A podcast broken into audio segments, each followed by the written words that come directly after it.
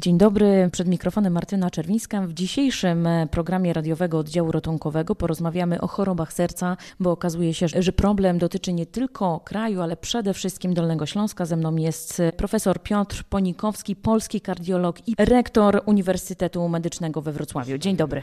Dzień dobry. E, ja bym chciał, żeby żebyśmy, żebyśmy pokazali, jeżeli pani pozwoli, właśnie te, te, te dane w kontekście Dolnego Śląska, właśnie Dolnego Śląska. No niestety e, Dolny Śląsk jest w czołówce województw, obszarów w Polsce, regionów w Polsce, gdzie problem chorób układu krążenia staje się szczególnie istotny. Ilość zgonów w ogóle w ostatnich dwóch, trzech latach z powodu chorób układu sercowo-naczyniowego wzrosła. To jest trend nieobserwowany przez dekadę ostatnią, przez dwie dekady. Oczywiście COVID, ale nie możemy powiedzieć, że to tylko to. Możemy powiedzieć e, e, Państwu, że Dolny Śląsk jest, e, jest w czołówce, niechlubnej czołówce województw, gdzie ilość zgonów z powodu układu krążenia, chorób serca i naczyń wzrasta i to bardzo wyraźnie wzrasta.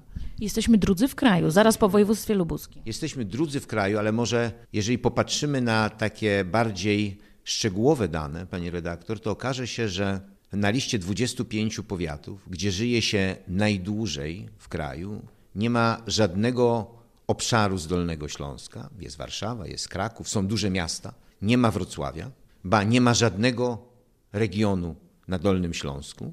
Natomiast jak popatrzymy na 25 powiatów, gdzie żyje się najkrócej, zarówno mężczyźni, jak i kobiety, głównie dlatego, że umiera się z powodu chorób układu krążenia, to jest tam kilka regionów z Dolnego Śląska. Jest obszar Zgorzelca, Kłodzka, Lwówka, o ile dobrze pamiętam, a więc jest na 25 co najmniej kilka dolnośląskich powiatów. Identyfikujemy przyczyny, ale może Państwo od nas oczekujecie, że podamy co robić i wdrożymy to jak najszybciej. Chciałam o to pytać, bo sytuacja będzie analizowana, będziecie wyciągać wnioski, ale czy są jakieś wstępne hipotezy? Dlaczego akurat Dolny Śląsk? E, dlaczego Dolny Śląsk nie wiemy? Muszę szczerze powiedzieć, że jesteśmy trochę zaskoczeni. Wiemy, że w dużej mierze wynikało to z infekcji covidowej, czyli z, tego, z tej pandemii, e, sytuacji, która w trakcie pandemii e, miała miejsce. Zrozumiałe jest, myśmy o tym mówili, alarmowali, że pacjenci zgłaszają się do nas bardzo późno, zgłaszają się w fazie, gdzie nasze możliwości stają się coraz bardziej ograniczone. E, zwracaliśmy uwagę na to, że dostęp na poziomie lekarza rodzinnego jest utrudniony, o tym rozmawialiśmy. Zwracaliśmy też uwagę na to, że ostatnie lata e, to był taki okres, gdzie na prewencję poświęcaliśmy mniej czasu. Przyjęliśmy, że wiemy jak żyć, bo e, widzi Pani, to co my obserwujemy, to jest końcowy etap choroby.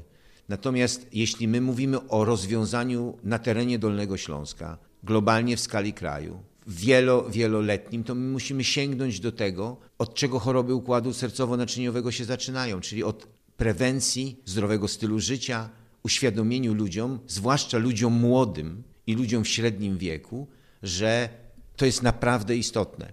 Te wszystkie aspekty spowodują, że to się przełoży na poprawę rokowania. O tyle jest to zaskakujące, że ten dostęp do lekarza i styl życia pewnie jest podobny w całej Polsce, prawda? A tutaj jednak u nas te statystyki rażąco wysokie. Wie pani, i tak i nie, bo rzeczywiście w tak dużym kraju, jakby stosunkowo, ja rozumiem, że jeżeli popatrzymy globalnie, to nie, ale w stosunkowo dużym, to te różnice różnice pomiędzy miastem i wsią, dużymi aglomeracjami miejskimi, a, aglomeracja, a y, obszarami, gdzie miast nie ma, gdzie ilość lekarzy, dostępność do lekarzy jest gorsza, e, są duże. Ale kultura e, taka społeczna, Y, nawyki, rozpowszechnienie czynników ryzyka, nieleczonych czynników ryzyka, prostych rzeczy, jak na przykład palenie tytoniu, niezdrowe odżywianie, brak ruchu w ogóle i tak dalej, i tak dalej. Są olbrzymie, olbrzymie różnice na tere, w populacjach, e, w populacji na terenie e, całego kraju. E, co więcej, pani powiem, my się zastanawiamy, jak dostępność do lekarzy powinna się zwiększyć i dlatego E, zorganizowana została sieć kardiologiczna. Chciałbym jako kardiolog, który pracuje no, po, grubo ponad 30 lat jako kardiolog, e, żeby to, się, żeby to się poprawiło. Czyli jednym słowem zawał, arytmia, nadciśnienie tętnicze, niewydolność serca to są te naj częstsze przyczyny zgonów, dostęp do lekarza, do specjalistycznej opieki powinien być lepszy i będzie, bo temu ma służyć współpraca pomiędzy lekarzem rodzinnym, poradnią, a ośrodkami będzie udzielona. Także ja jestem, ja jestem optymistą. Zaczynamy i zobaczymy. I to mówię z pełnym przekonaniem w imieniu e, środowiska kardiologicznego. Wspomnijmy o liczbach. Ile osób dziennie umiera na choroby związane z sercem? Więc w Polsce jest ponad 400 tysięcy zgonów. Rocznie. Rocznie. 400 tysięcy zgonów rocznie to jest 1200-1300 osób codziennie umiera w Polsce. 40 ponad procent z tego to są zgony z powodu, nie nowotworowe, proszę Państwa. I, I znów, jeżeli Pani redaktor pyta o liczby, czyli z tego połowa, czyli 600, ponad 600 osób dziennie, codziennie umiera z powodu układ, chorób układu krążenia. To są alarmujące dane, ale proszę również na to popatrzeć też w innym kontekście. Prognozowaliśmy, że ten trend będzie inny. Prognozowaliśmy, że długość życia Polaków się będzie wydłużać. Dzisiaj średnio, jak podają ostatnie dane, mężczyzna żyje w Polsce tylko 72 lata, kobieta 79. To jest wyraźnie mniej niż średnia Unii Europejskiej. W przypadku mężczyzn to jest około 3 lat, ponad 3 lata mniej, w przypadku kobiet 2. Wydaje się, że powinniśmy z biegiem rozwoju medycyny żyć dłużej, prawda? Absolutnie tak, zwłaszcza te, te standardy Europy no, muszą być standardami, jeśli chodzi o długość życia również w naszym kraju.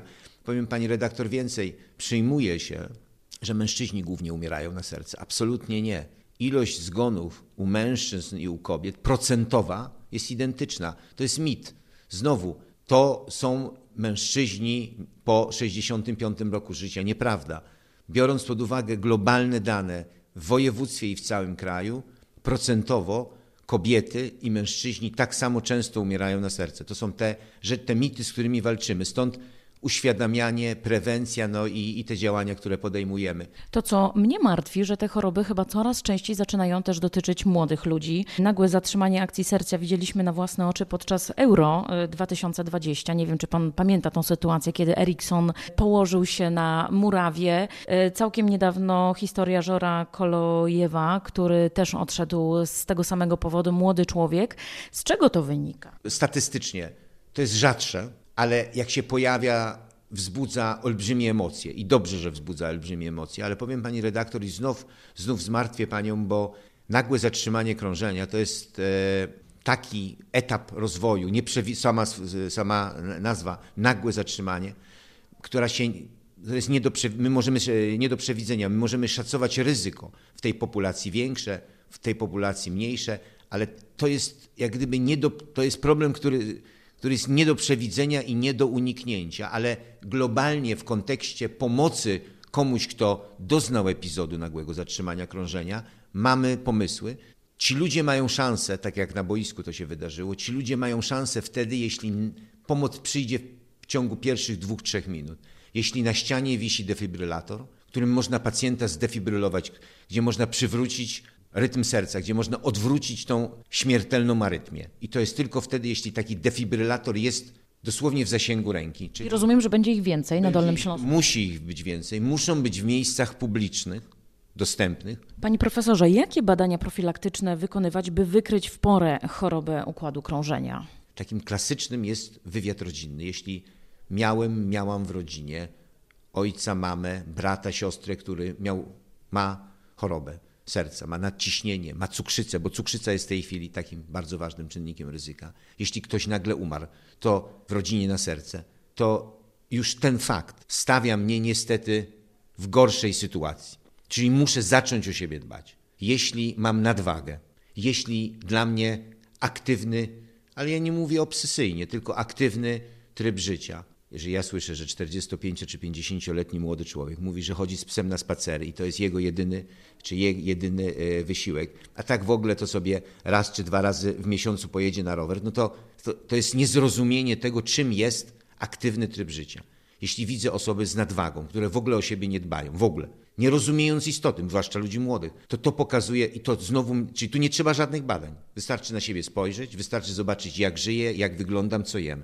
Ale jeśli chodzi o podstawowe badania, to w tych grupach większego ryzyka na pewno kontrola ciśnienia. I to nie dlatego, że, tylko dlatego, żeby to chociaż raz, dwa razy w roku zobaczyć. Nie ma nic złego, żeby powiedzieć komuś, kto jest zagrożony, komuś, kto nie uprawia spo- sportu, kto w ogóle nie chce o tym myśleć, kto jest otyły, ba, kto pali papierosy, kto ma wywiad rodzinny, żeby taką kontrolę, nawet będąc młodym człowiekiem, 30-40-letnim, co jakiś czas, raz, dwa razy w roku zrobił, w tym nic złego nie ma. A wręcz jest to wskazane. Kontrola poziomu lipidów. Dzisiaj najbardziej wciąż ważnym czynnikiem ryzyka jest poziom lipidów, a zwłaszcza złego cholesterolu, tak zwanego złego cholesterolu LDL. To są proste rzeczy. Bardzo dziękuję za rozmowę. Moim Państwa gościem, przypomnę, był profesor Piotr Ponikowski, polski kardiolog i rektor Uniwersytetu Medycznego we Wrocławiu. Dziękuję bardzo, dziękuję za rozmowę. Dbajmy o siebie. Dbajmy o siebie i myślmy o tym, że, no, że jesteśmy w stanie zapobiec wielu kłopotom, jeżeli będziemy o tym pamiętać.